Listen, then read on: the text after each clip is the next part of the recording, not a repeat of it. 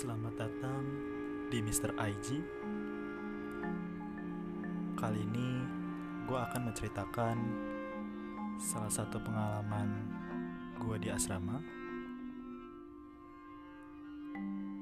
Pengalaman ini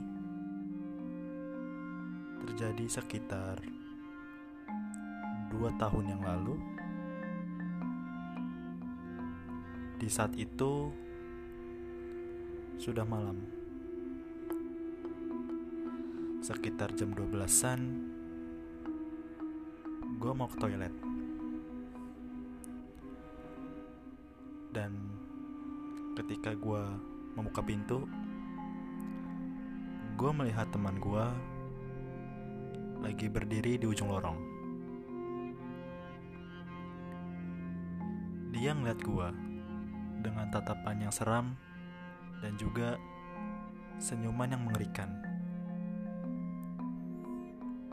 Tetapi karena waktu itu gue masih ngantuk,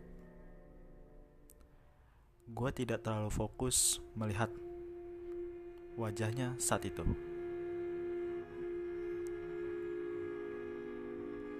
Saat itu, gue coba memanggil dia. Hei, lu ngapain dari situ? Cengar-cengir sendiri. Tapi dia cuma diam. Diam sambil melihat gua dengan mata yang tajam dan senyum yang menyeringai. Karena gue pikir dia hanya bercanda, akhirnya gue memutuskan untuk pergi ke toilet. Setelah gue memutuskan untuk kembali kamar gue, gue lihat teman gue tadi masih berdiri di tempat yang sama dan dengan posisi yang sama. Mata yang tepat menghadap ke gue dan juga senyum yang seram. Tapi saat itu gue sudah sangat lelah dan tidak menghiraukan teman gue itu. Akhirnya, gue memutuskan untuk tidur.